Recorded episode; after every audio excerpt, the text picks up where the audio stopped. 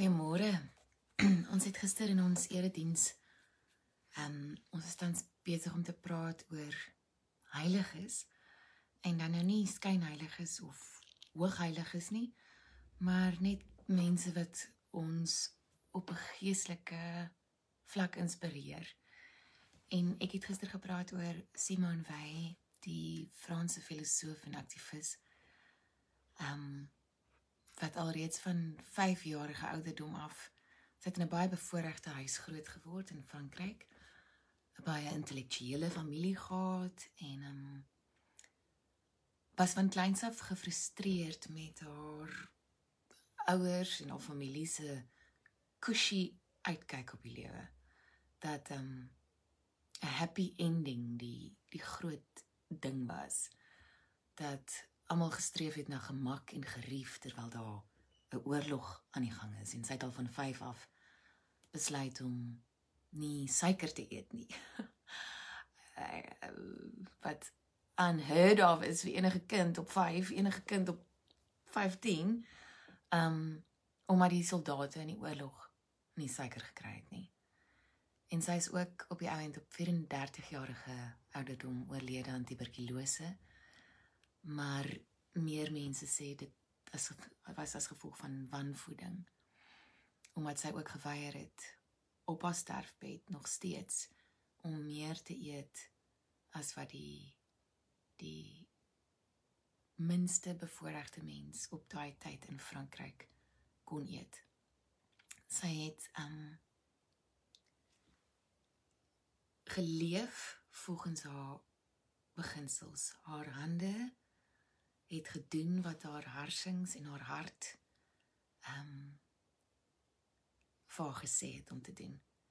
En dit is die definisie dink ek van integriteit om die gaping tussen dit wat ons dink en wil en glo en dit wat ons doen so klein as moontlik te probeer kry. Dit wat ons dink ons is en dit wat ons is um al hoe nader aan mekaar te probeer bring. Uh sy het by geleentheid gesê the real aim is not to see God in all things. It is that God through us should see the things that we see. En dis 'n hele ander uitkyk um, om God toe te laat om deur ons te kyk na die wêreld. Want dan leef ons Christus in hierdie wêreld. Om Christus toe te laat om ons so te penetreer, so te deurdring dat hy deur ons oë kan kyk na die wêreld. En dan sal ons op die ou end anders kyk na die wêreld en dan sal ons God in alles sien. Um ek lees vir ons Lukas 9 vers 23 tot 27. En hy sê vir almal: As iemand agter my aan wil kom, moet hy homself verloën en sy kruis elke dag opneem en my volg want elkeen wat sy lewe wil red sal dit verloor. Maar elkeen wat sy lewe om my ontwil verloor hy sal dit red. Wat baat dit 'n mens tog as hy die hele wêreld wen maar homself verloor of skade aandoen? En dit klink soos 'n paradoks um neem jou kruis op volg my verloon jouself. En dan sê hy, maar wat baat dit 'n mens tog as hy die hele wêreld wen, maar homself verloor of skade aandoen? So die die kruis opneem en die verloon en die volg my. Ons dink baie keer, "Ag, oh, dis om onsself skade aan te doen." Dis glad nie. Dit is nie wat skade aandoen beteken nie. Dis nie wat dit beteken om jouself te verloor nie. Dis wat beteken om jouself te vind of gevind te word deur God. Ek het al baie keer hierdie skrifgedeelte gelees en gedink, ja, maar mm, dis seker nou nie letterlik nie. Hierdie is 'n bietjie van 'n uitsondering op die reël en as 'n mens kyk na sekere mense se lewens wat met integriteit leef, so Simon Wey het, dan um, dan lees ek hierdie skrifgedeelte in 'n hele ander lig en dan weet ek is ook vir my geskryf en dis ook vir jou geskryf. Ek gaan dit net uit die nuwe vertaling um ook lees. Die opskrif is navolging van Jesus. En Simon Wey het dit um sy het 'n kleintjie doodgehad aan enige vorm van stelsel wat onderdrukking en uitsluiting van die minderbevoorregtes bevorder. So sy het byvoorbeeld haarself nooit laat doop nie alhoewel sy 'n verskriklike behoefte gehad het daarvoor want sy het geglo dat as sy haarself laat doop dan word sy deel van iets groters wat ander mense uitsluit um wat wat mense wat op die drempel van godsdienst staan um nie nie uitnooi na 'n lewe wat 'n navolging van Christus is nie. Miskien baie mense spekuleer daaroor dat sy haarself dalk skelm laat doop het, want sy wou so graag. En sy het so graag haar hinkering was om regtig te behoort en vriendskap. Maar sy het geglo dit is op 'n manier selfsugtig omdat sy dan haar roeping en dit was om altyd in solidariteit met die uitgeworpenes te leef sal misken. Ehm um, Miskien as sy langer geleef het, sou sy tot ander insigte gekom het. Maar dis wat sy geglo het en dis hoe sy Christus gevolg het in haar kort lewe. Nie met haar kop nie, alhoewel sy een van die slimste mense was wat in haar tyd in Frankryk geleef het. Sy het op 15 haar graad gekry in filosofie. Maar sy het in die nag gestudeer en in die dag het sy in fabrieke gewerk en op wynlande gewerk want sy het geglo enige intellektuele werk, enige iets wat hier gebeur, moet met fisiese werk gekombineer word. Want dis hoe jy jou kruis opneem en dit wie jy dink jy is, verloon om dit wie jy werklik is in Christus, jou identiteit in Christus te vind. Toe het hy vir almal gesê: As iemand my wil navolg, moet hy homself verloon en elke dag sy kruis opneem en my volg. Want wie sy lewe wil red, sy lewe, sy lewe op die oppervlak, sy lewenssituasie wil red, sal dit verloor. Maar wie sy lewe ter wille van my verloor, sal dit red. Want wat help dit 'n mens as hy die hele wêreld as wins bekom maar homself verloor of skade aandoen. Kom ons word vir 'n paar minute saam stil en gee ons lewe dit wat ons dink ons lewe is. Dit waaraan ons vasklou, ons verslaafdheid aan verganklikheid. Ons gee dit net vir 'n paar minute oor as oefening vir die res van die dag. En laat God toe om deur ons oë te kyk na die wêreld.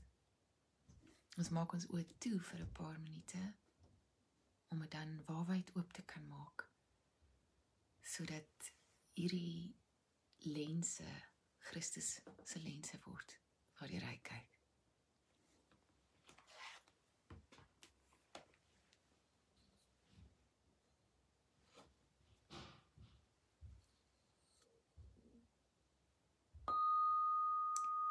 In die naam van die Vader wat aan ons die lewe geskenk het. In die naam van die Seun wat namens ons ook sy lewe opgegee het. In die naam van die Gees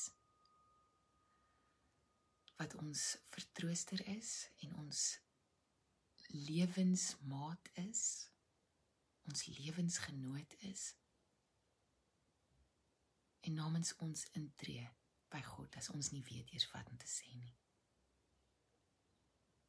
wat 'n verligting en wat 'n stuk vrymaking is daarin om net vir 'n paar minute ons lewe oor te gee vandag. En dit in die hande van die groot verlosser, die groot redder te plaas.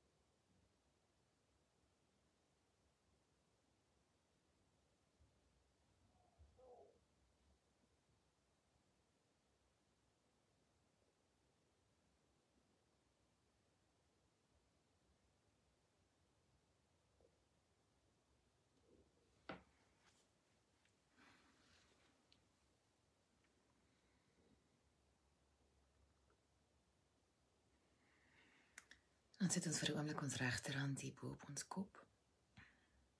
Ons linkerhand op ons hart. En vra God om ons vandag heilig te maak. En nie skynheilig of hoogheilig nie, heel. Om ons harsings en ons hart en ons hande op een plek te hê. Dieselfde te laat doen om ons byeen te bring, om ons vas te hou in Christus wat alles in stand hou. Om dit wat ons sê en dit wat ons skryf op papier dieselfde te laat wees as dit wat ons wil en dit wat ons doen. Neem my hande, neem my harsings, neem my hart. Neem my dag en my gedagtes wat in alle rigtings spat. Neem my voete want u weet ek is steeds op pad. My bestemming onbekend. My kompas sat. Bepaal u vandag ons rigting Here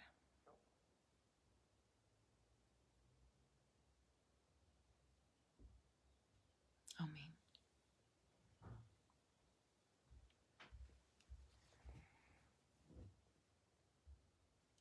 Elke keer as jy vandag jou oë knip of ten minste 'n paar keer laat dit 'n herinnering wees daarin. As jy jou bril skoon maak of as jy nog besig is om wakker te word in die slaap uit jou oë vee. Laat dit 'n herinnering wees daarin om elke keer jou oë skoon te vee sodat Christus deur jou oë na die wêreld kan kyk.